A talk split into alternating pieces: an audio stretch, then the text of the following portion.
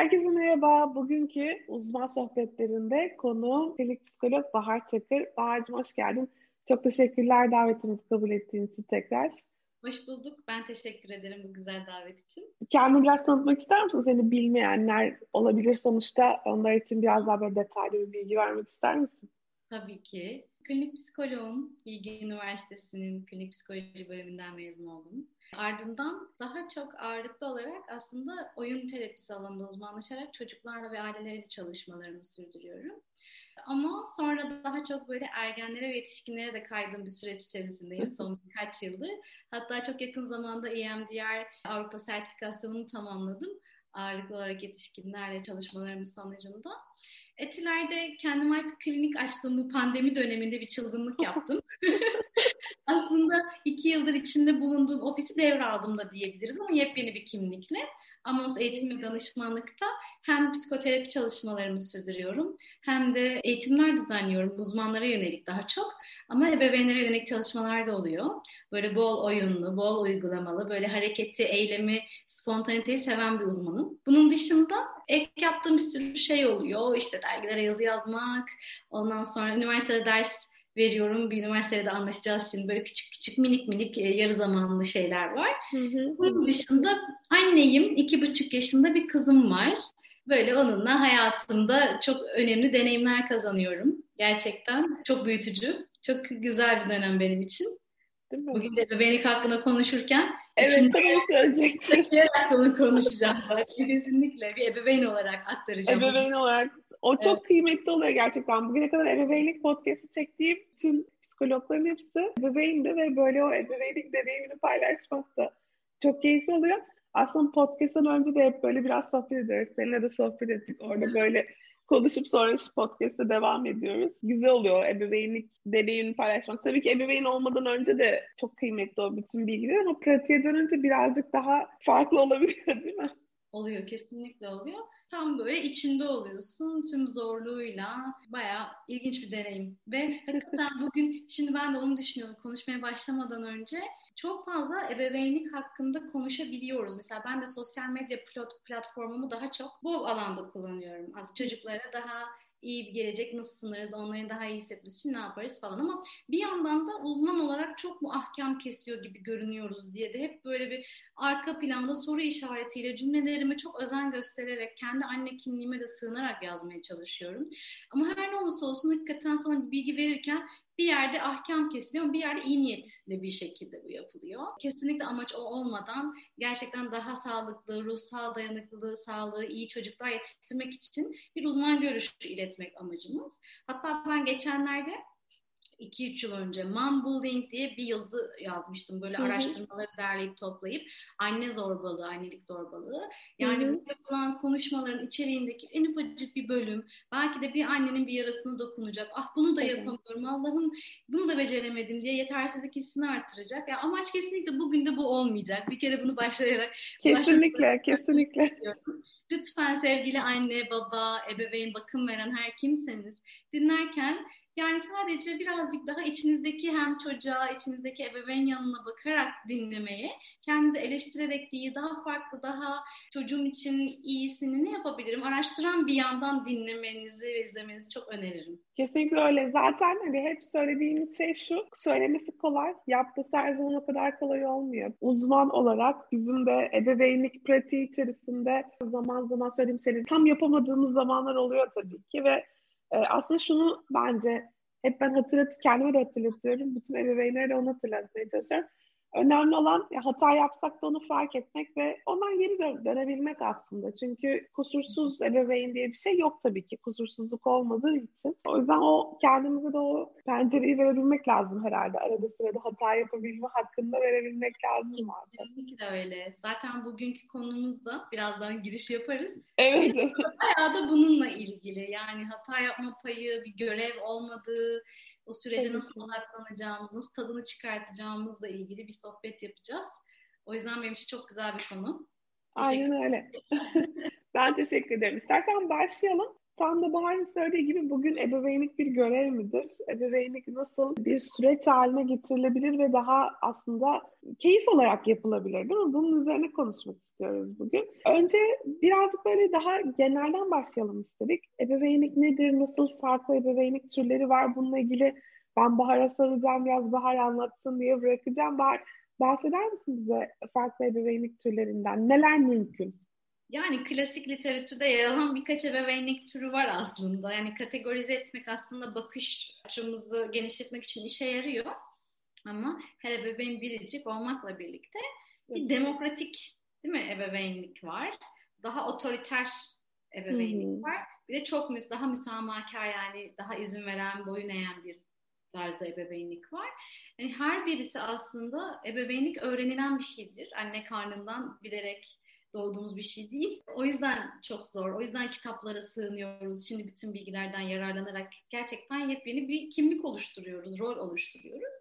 Hakikaten nasıl bir ailenin içine doğduysam çocuğum olduğunda da içimden oradaki ya yaralarım pörtlüyor ya keyif alan, tat alan, hakikaten doymuş yanım. İkisi bir arada oluyor tabii ki. Yüzde zaman biri olmuyor ama onlar böyle fokur fokur fokur fokur fokur fokur benden bir şeyi daha fazla istediğinde, bir şeyi tutturduğunda, aslında sahip olmasına rağmen daha fazlasını istediğinde böyle alamadıklarımı hatırlayıp ya kendi ebeveynimin birisinin bile en azından bana karşı daha işte şefkatli, daha anlayışlı yaklaştığı anları zihnim, beynim otomatik hatırlıyor ve aa tamam canım diyorum. Daha böyle demokratik dediğimiz belki tarza giriyorum. Ya da bunu bir tık abartıyorum. Ay yeter ki üzülmesin. Ya iyi bir dondurma demiştim ama tamam bir dondurma daha iyi. Aslında için, içimdeki üzülen çocuğun daha çok üzülmesini istemediğim, daha müsamahakar olduğum bir yan devreye giriyor. Ya da gerçekten ebeveynlerinden en az yine birisinin çok sert davrandığı, cezalandırıcı, bazen bir bakışıyla beni oturturdu diyoruz ya hani çok eleştirildiğimi hissettiğim, onaylanmadığımı hissettiğim bir ilişkinin içinden geldiysem içindeki o bu kabuklaşıyor böyle sertleşiyor içimizde bir yan ve çocuğumuz dediğim gibi zorlayıcı herhangi bir duygu, bir davranış ortaya çıkarttığında benim de hey bir dakika bana bugüne kadar böyle nazlara izin verilmedi. Ben de sana izin vermeyeceğim diye asker otoriter yanım devreye giriyor. Ve ne kadar otomatik. Yani bu böyle hakikaten düşünerek dur şimdi şu daha şöyle davranayım ne kadar zor değil mi? Yani ben 9 yıldır alandayım. Ebeveynlerle çalışırken herhalde en zorlanılan şey davranış örüntümüzü değiştirmek. Yani başka bir ebeveynlik tarzından başka bir ebeveynlik tarzına geçmeye çalışırken o bocalama hali işte bu beynin o nörotransmitterlerin otomatik tık tık tık tık ışık hızıyla böyle çalışmasından kaynaklanıyor. Biz yepyeni incecik bir saç telini böyle kalın bir şey haline getirmeye çalışıyoruz aslında. Bunun için emek, zaman, kararlılık, gerçekten bayağı bir ısrar gerekiyor. Okey bunu yapacağım. Ha var yapacağım demek gerekiyor. Şöyle örnek veriyorum ben e, bu otomatik davranışların değiştirilmesine. Diyelim ki kapitaliteye girdiğinizde anahtarlarınızı hep koyduğunuz bir yer var ya da çantanızı hep bastığınız bir yer var ama uzun zamandır aynı evde yaşıyorsunuz ve sizin için o artık kapitaliteye girdiğiniz zaman onu yapıyorsunuz, onu yapıyorsunuz. Hep aynı hareket. Sonra bir gün biri gelip size diyor ki bir psikolog, hayır çantanızı oraya koymayın, anahtarlarınızı oraya koymayın, alıp evin diğer ucuna, diğer köşesine koyun. Ve siz her seferinde eliniz oraya gittiği anda kendinize şunu hatırlatmak zorundasınız. Hayır oraya koymayacaktım ya öbür tarafa koyacaktım. Evet, tabii evet. ki bu zaman alacak. Yani tabii ki ilk başta birkaç defa oraya koymaya çalışacaksınız. Hatta koyacaksınız unutup ondan sonra geri götüreceksiniz. Ama bir süre sonra bu yeni öğrenilmiş davranış otomatikleşecek. Bir süre sonra zaten oraya koymuyor olacaksınız. Çünkü yeni davranışınızı zaten benimsemiş, kemikleştirmiş olacaksınız. Ama mesela 27-28 yaşında anne olmuş bir insan için yani 27-28 yıldır öğrendiği, gördüğü, deneyimlediği bütün o davranışları bir anda değiştirmek hiç mümkün değil. Doğal olarak tam da senin söylediğin gibi bütün o tetikleyiciler zaten zihindeki o nöronların pıt pıt pıt pıt birbirini yakmasıyla zaten hemen o otoriter çağırıyor. Ama işte biz diyoruz ki hayır orada bir yerde bölüp o şeyi farklılaştırabilirsiniz. Kolay değil ama yapılabilir bir şey. ama ciddi bir sorumluluk gerektiriyor değil mi? Yani kendi davranışının sorumluluğunu almayı. Burada en çok ben yetişkin rolünde kalmakta zorlanan, kendi çocuk ihtiyaçları çok çok karşılanmamış ebeveynlerin zorlandığını fark ediyorum. Bu yetişkin moda geçmektir. Çünkü farklı bir şey denemek için çocuk modumda geçemem orada. Çünkü hala ihtiyaçlarımın olduğunu sezerim. En çok orada zorlanıldığını fark ediyorum.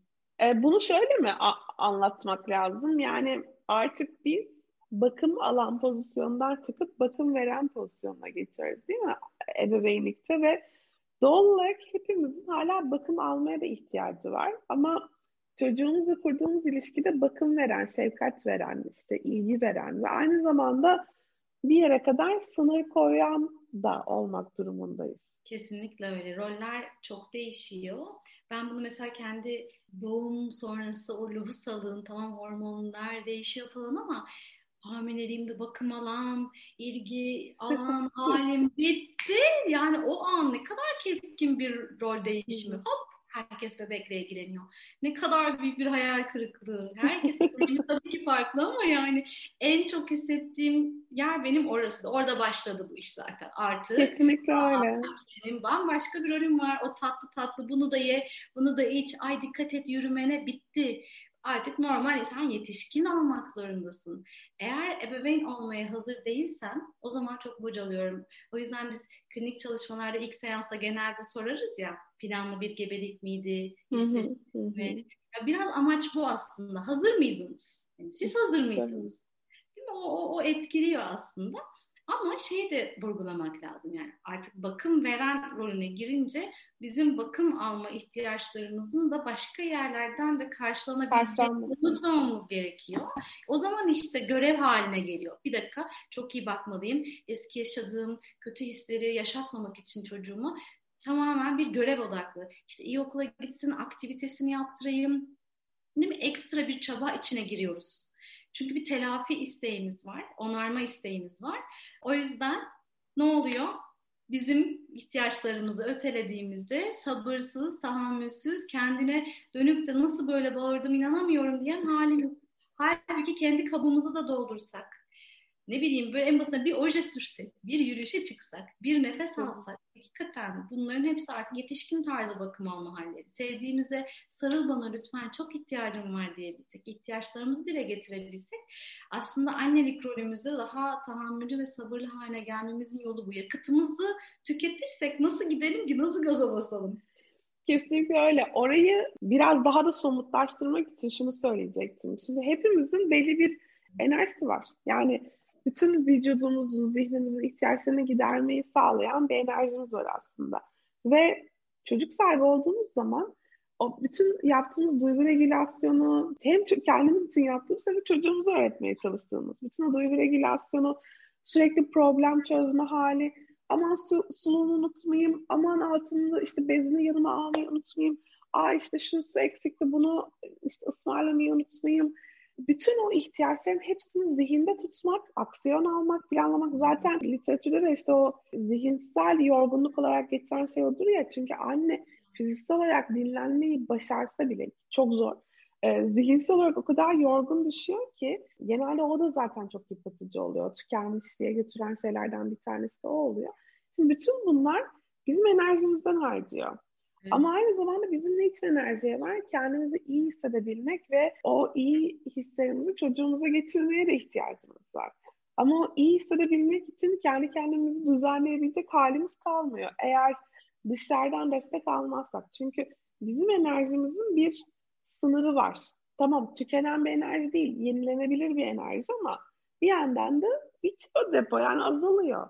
Onu doldurmanın en önemli yöntemi ya partnerimizden, ya ebeveynlerimizden, ya arkadaşlarımızdan, ya bakıcılarımızdan hiç fark etmez. Birinden mutlaka destek almak. Sosyal destek orada gerçekten hem bizim için hem çocuklarımız için müthiş bir farklılık yaratıyor aslında. Evet, nefes almak değil mi? Es vermek, ara vermek. Kesinlikle. Bunu unuttuğumuzda işler biraz sarpa sarabiliyor. O yüzden şimdi şey de düşünüyorum hayal ettiğimiz bir şey var. Ebeveyn çocuk ilişkisi. Aslında bütün bu çabamız ona ulaşmak için. Ama e, bu koşuşturma içinde sonunda fark ediyorum ki mesela olmuyor. Yani o doygunluğu hissedemediğim anlar oluyor. Zaten ebeveynlik bir görev değil süreçtir derken de biraz bunu kastediyorum. Biraz burada sağ beyin ve sol beyin arasındaki farktan da bahsedelim. Çünkü az önce bahsettiğim zihinsel süreçler değil mi? daha çok benim sol beynimin çalıştığı anlar. Tabii. Mantıklı mantıklı olması gerekenler en iyisi falan. Ama özellikle doğumdan itibaren ilk 6 yıl, 7 yıl bence hep de hani yetişkin ilişkisinde bile ama beynin beslenmesini düşündüğümüzde daha çok sağ beynin aktif eden etkileşim tarzına ihtiyaç duyuyor çocuklar. Hı hı. Bu da nasıl oluyor? Biraz onlardan bahsedelim. Yani Lütfen. aslında diğerinden daha kolay oluyor. Tabii Mesela daha böyle kucağıma alıp çocuğumu yavaş yavaş salladığım, gözlerine yüzüne bakıp agucuk gugucuk yaptığım ya da onunla birlikte şarkı söylediğim, bir şey komik bulup onunla birlikte güldüğüm anlarda böyle beynin sağ bölgesi acayip bir şekilde aktive olmaya başlıyor. Ve çocuk kendini güvende, rahat, sevilen, değerli hissediyor. Şimdi burada şey kuramına bakalım. İçsel çalışma modeli. Çocuk bunu aldığında böyle düzenli bir şekilde daha esnek bir yapı böyle. Aman bezi de eksik mi olmuş? Hallederiz bakkaldan alırız geliriz. Hali. Tamam ya dünyanın sonu gelmediği hissi değil mi? Böyle bir, bir yolunu buluruz rahatlığı. Çocuğun kendisini hem önce tamam iyiyim güvendeyim değerliyim hissetmesini sağlıyor. Bir de ilişkiler bazında bakalım. Aa evet ilişkilerde sorun olsa bile halledilir ilişkilere güvenebilirim, kendimi bırakabilirim. Şöyle rahatça gözlerinin içine bakıp fikirlerimi ifade edebilirim. Bana bu alan sağlandı, ben de insanlara sağlayabilirim diyebiliyor çocuk. Bir de en dış dünyaya bakalım. Tüm dünya içeren her şey yani. İşte bu kaygıların, korkuların doğduğu yerde burası ya. İşte tehlikede miyim, değil miyim? Güvende miyim? Dünya yeni deneyimlere açılabilir miyim, keşfe açık mıyım, değil miyim? Tam burada başlıyor. Yani azıcık bezim geç değiştirildi diye atıyorum iki dakika daha bir şey olmuyor. Ya da iki şarkı eksik öğrendim diye aslında bir şey olmuyor. Tamamen kaydettiğimiz şeyler böyle bunlar bunlar da otomatikleşiyor. Belki hatırla evet işte sorsak annem de bana güzel şarkı söylerdi diye bilinç, bilinç olarak hatırlamıyor olabilir. Ama öyle bir deneyim ki şu içinde Zaten kalbinde, zaten yaratmak istediğimiz şey de o. Kalbinde, zihninde, o nesne sürekliliğinin sonrasında da değil mi? Bakım verini görmediği halde bile öyle güzel bir şey yerleşti ki içine. Onu hatırlayıp oh rahatlayabilirim, her şey yolunda, kendi kendime başarabilirim inancı böyle yerleşiyor aslında. Hı hı huzur yani aslında onları hatırlayıp huzuru erebilmek. Şey düşündürtü bu bana. Hep iyi niyetle özellikle işte o ilk üç yaş sürekli vurguluyoruz işte 0-3 yaş 0-3 yaş beyin gelişimi. Tabii aslında burada belki de sosyal medya veya işte internet dergiler ebeveynlere bir dönem çok fazla e, yanlış yerden yaklaşıldı belki. Yani çocukların beynini geliştir, çocukların beynini geliştir ama orada aslında kastedilen şey çocukların beynini işte ona iki tane daha kitap oku ya da mutlaka işte iki tane daha şarkı öğret. Senin de söylediğin gibi. Yani işte her şey mükemmel olsun. iki tane daha egzersiz yaptır. İşte beyni gelişsin çocuklar. Bu değil de aslında kastettiğimiz. Aslında kastettiğimiz 0-3 yaş arasında çocukların beyin gelişiminde onlara gösterdiğimiz şefkat, verdiğimiz huzur, salgılayabildiğimiz oksitosin, işte bizi ebeveynlerine bakım verenlerine ödülle veya işte cezayı ortadan kaldıran hem pozitif hem negatif ödülle eşleştirebilmeleri de önemli olan ki sonra bize ihtiyaç duyduklarında veya bize demeyelim huzura, sakinliğe ihtiyaç duyduklarında erken deneyimlerinden beslenebilsinler. Tam bu arada şunu e, düşündüm yine e, bu mesela bezim değişti mi? Yani hemen değişti mi? O çocukların o böyle ona alıştırdığımızda tamam evet çiş yaptığım anda o bez değiştirir. Buna alıştığımızda çocuk için aslında esneklik, o dayanıklılık kavramını da bir miktar zedelemiş oluyoruz. Çünkü çocuk esnekliğe alışkın değil. Mutlaka o esnada yapılmalı duygusuna alışkın. Yani burada aslında ebeveynlere sağladığımız rahatlığın çocuğa dönüşünün ne kadar kıymetli olduğunu bilmemiz lazım. Çünkü biz eğer sürekli stres haline onu yapalım, bunu yapalım, onu da edelim dediğimizde hem çocuğumuzun stres algısını değiştiriyoruz. Çocuk için daha az stresin daha fazla algılanmasına yol açıyoruz değil mi? İstemeden de olsa. Kesinlikle öyle. Ve çoğunlukla bu yaklaşımla büyüyen bir çocuğun da stres tepkileri verdiğini görüyoruz. Mesela ya da duygularını tam olarak fark edemeyip tam olarak ifade edemediğini görüyoruz. Aslında duygusal olgunluğu tam olarak gelişmiyor ama akademik başarısı yüksek evet, Bir alanda iyi, bir alanda daha desteğe ihtiyaç duyuyor. Ama zaten iyi olan alanın üzerinde gitmektense hep diyoruz ki eksik kalan tarafında ilerleyelim Hı-hı. o zaman. Orayı ne güzel başarmışsınız birlikte. Şimdi bir de buraya bakmak nasıl olur? Tabii ama bu kolay iş değil. Ebeveynlerle çalışmak benim için hem keyifli hem çok zorlayıcı. Çünkü tek başına ebeveyn rolü yok. Yani o anne o kadın, o eş, o çocuktu. Dolayısıyla böyle yetişkin terapisiyle ebeveynlere yani ulaşma şeklimiz biraz zor oluyor. Bazen hakikaten o kişinin belki de bireysel olarak terapiye gitmesi de kendini geliştirmesini sağlıyor. Çünkü annesi de ona ödevlerini yaptın mı? İşte ben yemek yaparken sen de oyununu oyna diyerek büyüdü. Ve çoğumuz böyle büyüdük bu arada bundan. Tabii tabii, tabii ki. E, dolayısıyla o o kişinin de sağ beyni gelişmek ki ne güzel iyi bir mühendis oldu, iyi bir doktor oldu, iyi bir mimar oldu, iyi bir sanatçı oldu vesaire.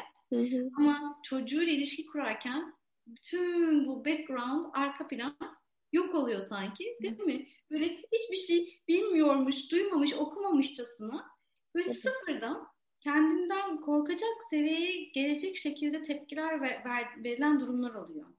İşte o bir yardım çığlığı aslında. O, o hakikaten zorlanılan bir yer demek ki. O bir ebeveynlik hele ki hazır olmadığı bir dönemde ebeveyn olduysa bu kadar sol beyni aktif bir kişi tam anlamıyla bir görev tadında oyununu da oynayayım. Oyun oynatırken renkleri de öğretmiş olayım. Şekilleri de öğrensin. Ondan sonra en iyi okula gitsin. Hani kastettiğim şey bu aslında. Ben tiklerimi atayım, Aynen. kafam rahat etsin. Ama çocuk ne istiyor? Çocuğun orada neye ihtiyacı var? Bunun için kendi yetişkin, doygun tarafım küçücük bir yansa bile onu devreye sokmaya çalışmam gerekiyor. En başta bahsettiğim sorumluluk şeyi de bu. Hem çok can sıkıcı, yani çok hazır olsam bile bazen o sorumluluk çok ağır geliyor ve yeter artık. Yani bu hafta sonu hissettim. O evin içindeyken ben dedim kendime zaman ayırmak istiyorum. Çünkü yüzde yüz oyun oynayamayız. Zaten iyi ebeveynlik %100 çocukla vakit geçirmek değildir. Aslında kendi sınırlarına saygı duyan bir yetişkin olabilmesi için benim ona model olmam gerekir. Bir dakika tatlım biliyor musun? Benim de biraz kendim için bir şeyler yapma ihtiyacım var. Bunu böyle söylediğimde hmm, o zaman ben de e, oyun oynayayım şurada ablamla diyor mesela Ekin. bir, bir yolunu bulmaya çalışıyor. İlk başta zorlanıyor. Hayır hayır benle oynayacaksın ama bakıyor ki hakikaten onu oynarken de keyifli olmadığımız anların da bir kıymeti yok ya aslında. Tabii kesinlikle öyle. Burası gerçekten çok önemli bence Bahar. Yani oturup orada oyun oynuyorsun ama orada yoksun. Zihnin orada yok, ruhun orada yok. Yok yani. Hani öyle ben mesela bu hafta sonu ben de aynen o evdeyken yaşadım. Yani benim de alana ihtiyacım var. Bunu söylüyorum, söylüyorum ama bir yerde sonuçta tamam oynayayım. Ama bir baktım kendim şunu yaparken legoları üst üste koyuyorum ama ben orada değilim. Yani ellerimi koyuyor da benim zihnim orada değil. E şimdi çocuk ne anladı ki ondan? Onun yerine çekilip biraz kendime vakit ayırıp sonra isteyerek, keyif olarak döndüğümde o da çok eğleniyor. Ben de çok eğleniyorum. Az önce senin anlattığın seninki gibi gülerek birbirimize gerçekten birbirimizi hissederek e, getirdiğimizde gerçekten onun için de daha anlamlı, benim için de daha anlamlı. Kesinlikle öyle. Ara verebiliyorsam veriyorum. Bazen tolere edemiyorlar ya. Sadece yanında bulunmam bile o çocuğa evet, yetiyor. Evet. O bir şey. Tabii. Ben orada dürüstlükten yanayım. Onu yapmaya başladım kendi ilişkimde. işe yarıyor. Yani biliyor musun tatlım çok kafamda böyle heyecan verici çok şey var atıyorum. Ya da çok dolu bugün kafam çok çalıştım. Bazen böyle dalıp gidebilirim. Seninle bir ilgisi yok. Yani o anlarımızı da onunla ilgisi olmadığını ifade etmek evet. bence çok kıymetli. Çünkü her zaman hakikaten çocukla ilgisi yok. Yani her zaman tabii ki, tabii değil ki. bu. Ee, biz insanız. Yani sadece ebeveyn olduğumuzu takılıp kaldığımız sürece de bence bütün bu zorlanmalar başlıyor. Kesinlikle, kesinlikle. Dürüstlük. İşte kendimi pek hissetmiyorum, seninle ilgisi yok. Kendi benimle ilgili şeyler. Yani ya da işte bugün çok sabırsızım. İstersen baban ilgilensin ama gerçekten sakinleşmek için bunu senden istiyorum. Bakın bu anlattığım şeyler süreç işte. Tabii. Sonuç değil, görev değil. Yapacağım. Annen olarak yanında duracağım. Evet bu benim sorumluluğum. Bir ki ama keyifli değilim. Bunun seninle ilgisi yok. Bazen de var. Evet çünkü az önce banyo yapmamak için çok direndim. Gerçekten kendimi çok yorgun ve çok kötü hissediyorum. Kendimi toparlamak için lütfen birazcık ben böyle 5 dakika şurada durayım. Ondan sonra yanına gelebilirim. Yani buralarda da net durmak da önemli. Yani içimde eğer benim çocuğumdan ayrılmakta ya da onu böyle yalnız bırakmakta, sanki onu üzmüşüm gibi hisseden yanım devreye girerse, böyle bir korkum ortaya çıkarsa kendi ihtiyacımı öteliyorum, yok sayıyorum ve ne yapıyorum? Of iyi tamam. Yanına gidiyorum. Ben mutsuzum ama mutsuz ne anladım bu işten? Net duracağım kendi sınırıma, kendi ihtiyaçlarıma saygı duyarsam o da kendi ihtiyaçlarını fark edecek. Ben ona sürekli hatırlatırsam bak onu yemedim, bak böyle yapmadın, çişin geldi mi, zırt pırt zırt pırtlık yaparsam işte o zaman hem o kendininkini fark etmeyecek hem de kendi ihtiyaçlarımı hatırlatmazsam da bir insanın Değil mi? Çünkü ben merkezi dönemden çıkmış bir çocuk için konuşalım. Özellikle artık 5 yaşında, 6 yaşında bir dakika. Yani annelerin, babaların kendine zaman ayırabileceği bir dönem artık. Bunu idrak edebileceği bir dönemde artık. Dünya onun etrafına dönmüyor farkında. İşte oralarda daha da net durmak. Lütfen şu zaman geleceğim. Çok önemlisi benim. İple çekiyorum seninle oynayacağım zamanı. Ay dün şunu oynamıştık ya yine onu oynayalım. Ama lütfen yarım saat sonra dinlendikten sonra çok daha keyifli oynayacağım seninle. Tamamen bu aslında olay. Herkesin kendine özel tabii olacak. Tabii ki, tabii ki. Ya çok gerçekten hani anlattığın şeyler çok kıymetli. Ben de yani benzer şeyler yapmaya çalışıyorum ama kesinlikle kolay değil. Çünkü karşınızda size böyle dünyanın en tatlı gözleriyle bakan ve sana çok ihtiyacım var şu anda benimle ol diyen bir çocuk var. Ama burada e, yetişkinlerle çalışırken de sen yetişkinlerle çalışıyorsun hep şunu anlatmaya çalışıyoruz ya sınır koymak karşı tarafı üzmek için yaptığımız bir şey değil. Sınır koymak aslında ben de bir, bir önce toparlanayım sonra buradan daha çok keyif alacağım demek yetişkinler için bile zorken çocuklar için de tabii ki anlaması çok zor. Ama bizim çocuklarımızın ileride sınır koyabilmesini onları öğretmek istiyorsak çocuklarımıza zaten bunu yapmamız lazım. Yani insanlar kötü hissedebilirler. E, o üzüntüler daima sizinle ilgisi olmayabilir. Ya da e, bazen işte trafikte giderken bazen Defne'yi ben işte okula bırakırken araba kullanıyorum. Bir şey kızıyorum orada yolda. Bana soruyor anne kızgın mısın? Evet kızgınım diyorum. Bana mı kızgınsın diyor. Hayır diyorum bak yolda şöyle bir şey oldu ona çok kızdım. Ha tamam o zaman diyor. Şimdi ya bunlar çok önemli. Neye? Yani benim duygumu hissediyor kıymetli. Evet. O duygumu ne için hissediyor? Yani ben o duyguyu nereden edinmişim? Bunun kökenini de anlamaya çalışıyor. Anlayıp rahatlıyor. Ha, burada şey demek de önemli. Kızgınım evet. Sana kızgınım az önce söylediğim gibi. Mesela okula gitmek için hazırlanırken çok beni yordun. Geciktik. Sana da kızdım. Ama önemli değil. Seni hala çok seviyorum. Kızgınlığın biraz sonra geçecek. Ya bunları söyleyebilme. İlla niye saklıyoruz? Sana kızgınım. Hayır kızgınım. Yani bu da çok normal, çok doğal bir duygu. Dürüstlük burada başlıyor. Yani sadece ben gidiyorum deyip gittiğimiz anlar hani çok çocuğumuza dürüst olduğumuzu göstermiyor. Duygularımızı da ne kadar tabii alabileceği kadarını onlara evet. doğru ifade ediyoruz. Çok önemli. Kaygılanıyorlar çünkü ilk 5-6 yıl tamamen böyle somut düşüncenin de verdiği herhalde benim yüzümden. İşte annem babam kavga etti az önce ödevimi yapmamıştı benim yüzümden. Kesin bu yüzden. Şimdi benim yüzümden diye düşünen böyle bir yapı varken ilk 6 yıl özellikle e, kendi duygularımız ve düşüncelerimiz konusunda da kısa ve öz bir şekilde dürüst olmamız onların da sağlıklı ruhsal gelişim için çok önemli. O suçluluk duyguları, ileride böyle sürekli telafi çabaları, boyun eğen bir yapı böyle gelişiyor çünkü. Yeter ki üzülmesin, yeter ki kırılmasın diye kendimden verdiğim anlar işte böyle zamanlarda bana yapılmamış açıklamalardan geçiyor. Acaba benim yüzümden miydi? Veya ileride tam da söylediğin gibi yani Öyle bir olay oldu beni sevmediği için mi? İşte arkadaşımı iptal etti beni istemediği için mi? Her şey benim yüzümden olmuş gibi. Bu da ama ne kadar zorlayıcı bir şey bir yetişkin olarak da değil mi? Çünkü o e, stresli anlarımızda ister istemez geriye dönüyoruz. Geriden çekiyoruz. O otomatik düşünceler tam da bahsettiğimiz çocuklukta yerleşiyor. E doğal olarak bir sıkıntı olduğunu, mesela ortamda bir huzursuzluk olduğunda ilk düşünün benim yüzümden. Kesin halbuki alakası yok. Ama evet. o kadar yerleşmiş ki o duygu bize küçüklükte. Hı hı. Direkt onu düşünüyoruz. Kesinlikle öyle. Yani bu gelişimsel bir özellik. Ben şeyi çok seviyorum. Gelişimsel bilgi sahibi olmanın önemi çok büyük. Yani başlı başına bir bilişsel müdahale oluyor. Tabii. Yani iki yaşındaki çocuğun aslında bütün o kriz sendrom diye adlandırılan şeyin ne kadar ayrışmanın, bağımsızlaşmanın bir göstergesi olduğunu bilmek. Mesela beni bir nebze rahatlatıyor. Banyo yapmayacağım dediğinde acayip sinir alıyorum. Evet. Ama biliyorum ki çocuk kendini böyle var etmeyi öğrenecek. Benden farklı olduğunu ancak benim ondan talep ettiğim bir şey reddederek bana gösterecek. Başka bir yolu yok bunun. Seni Bu test ederek sınır koyuyor. Ya sınırlarını test ederek, seni test ederek kendi sınırlarını öğreniyor çocuk değil mi? Aynen öyle. Ya zor. Vallahi çok zor iş. Vallahi ben sana üç buçuk yaşından bildireyim hala banyo sokmak için türlü oyunlar, türlü şaklabanlıklar, e, her türlü ikna süreçleri. Yok. her gün.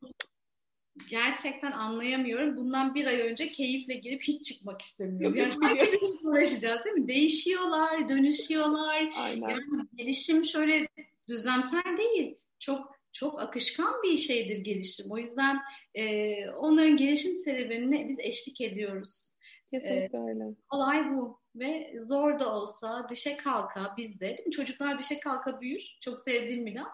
Ama biz de düşe kalka ebeveynlik yapıyoruz, yapacağız. Bizim için doğrusunu, ailem için uygununu bulana kadar hata da yapacağım, iyisini de yapacağım ama aferin be diyeceğim kendime. İyi yaptığım şeyleri ötelemeyeceğim. Çünkü o kadar görev odaklı olduğumda yine sol beyin aktif birisiysem işte az önce de konuştuğumuz gibi yaptım mı yapamadım mı, yeterliyim yetersizim, mükemmelim değilim. Böyle 0-1-0-1 yazılım gibi ya da işte beyaz siyah gibi böyle uçlarda gittiğimizde kendimize hiç yardımcı olmuyoruz. O yüzden ben ebeveynlerle çalışırken gerçekten yapabildiklerini hatırlatmayı, vurgulamayı çok önemsiyorum. Onlar azımsanacak şeyler değil. Bundan iki ay önce böyle tepki vermiyordunuz. Ama şimdi bunu yapabiliyorsunuz. Lütfen bunu bunu alın kendinize bir hakikaten yapabiliyorum deyin. Çünkü içeriden güçlenmezsek, kendimize güvenmez, inanmazsak olumlular gelişmez. Aynı pozitif disiplin felsefesi gibi. Çocuğa sürekli yapamadıklarını söyleyip bir eğitim veremeyeceksem, onu kendini iyi hissettiremeyeceksem e, sürekli kendime de şunu da zaten yapamadım. İyi onu yaptım bir seferlik oldu ama işte ben genel olarak yine bunu beceremedim. Hiçbir yere beni götürmüyor. Yani olay bu düşüncelerin yerine benim alternatif, daha işime yarar düşünceleri üretebilmem zihnimde. O da ancak zamanla ve kendimize şefkat göstererek, kendimize de anlayış göstererek oluyor. Umarım yani herkes için kendi süreçlerinde çok da gecikmeden hata yapabileceğimizi ama bunun çok ortak bir insanlık deneyimi olduğunu, günün sonunda aslında çocuklarımıza vermemiz gereken en önemli şeyin o sevgi, şefkat ve tekrar aslında bir, bir şeyde sınırlar yani o hepimizin sınırları, güven. sınırlarımız, güven. Güvenli bir alan içerisinde hep beraber var oluyoruz duygusu. Birlikte en önemlisi oluyor değil mi? Aynen öyle. Bahar'cığım çok teşekkür ederim katıldığın için. Bugün. Ben teşekkür ederim. Çok keyifli bir akışkan bir sohbet oldu. Ben de aynı şekilde düşünüyorum. Umuyorum dinleyenler için de aynı şekilde keyifli ve bilgilendirici olmuştur. Ben kendi adıma çok çok şey öğrendim. Çok teşekkürler katıldığın için tekrar. Ben teşekkür ederim. Herkese sevgiler. Görüşmek üzere. Görüşmek üzere. Hoşçakalın.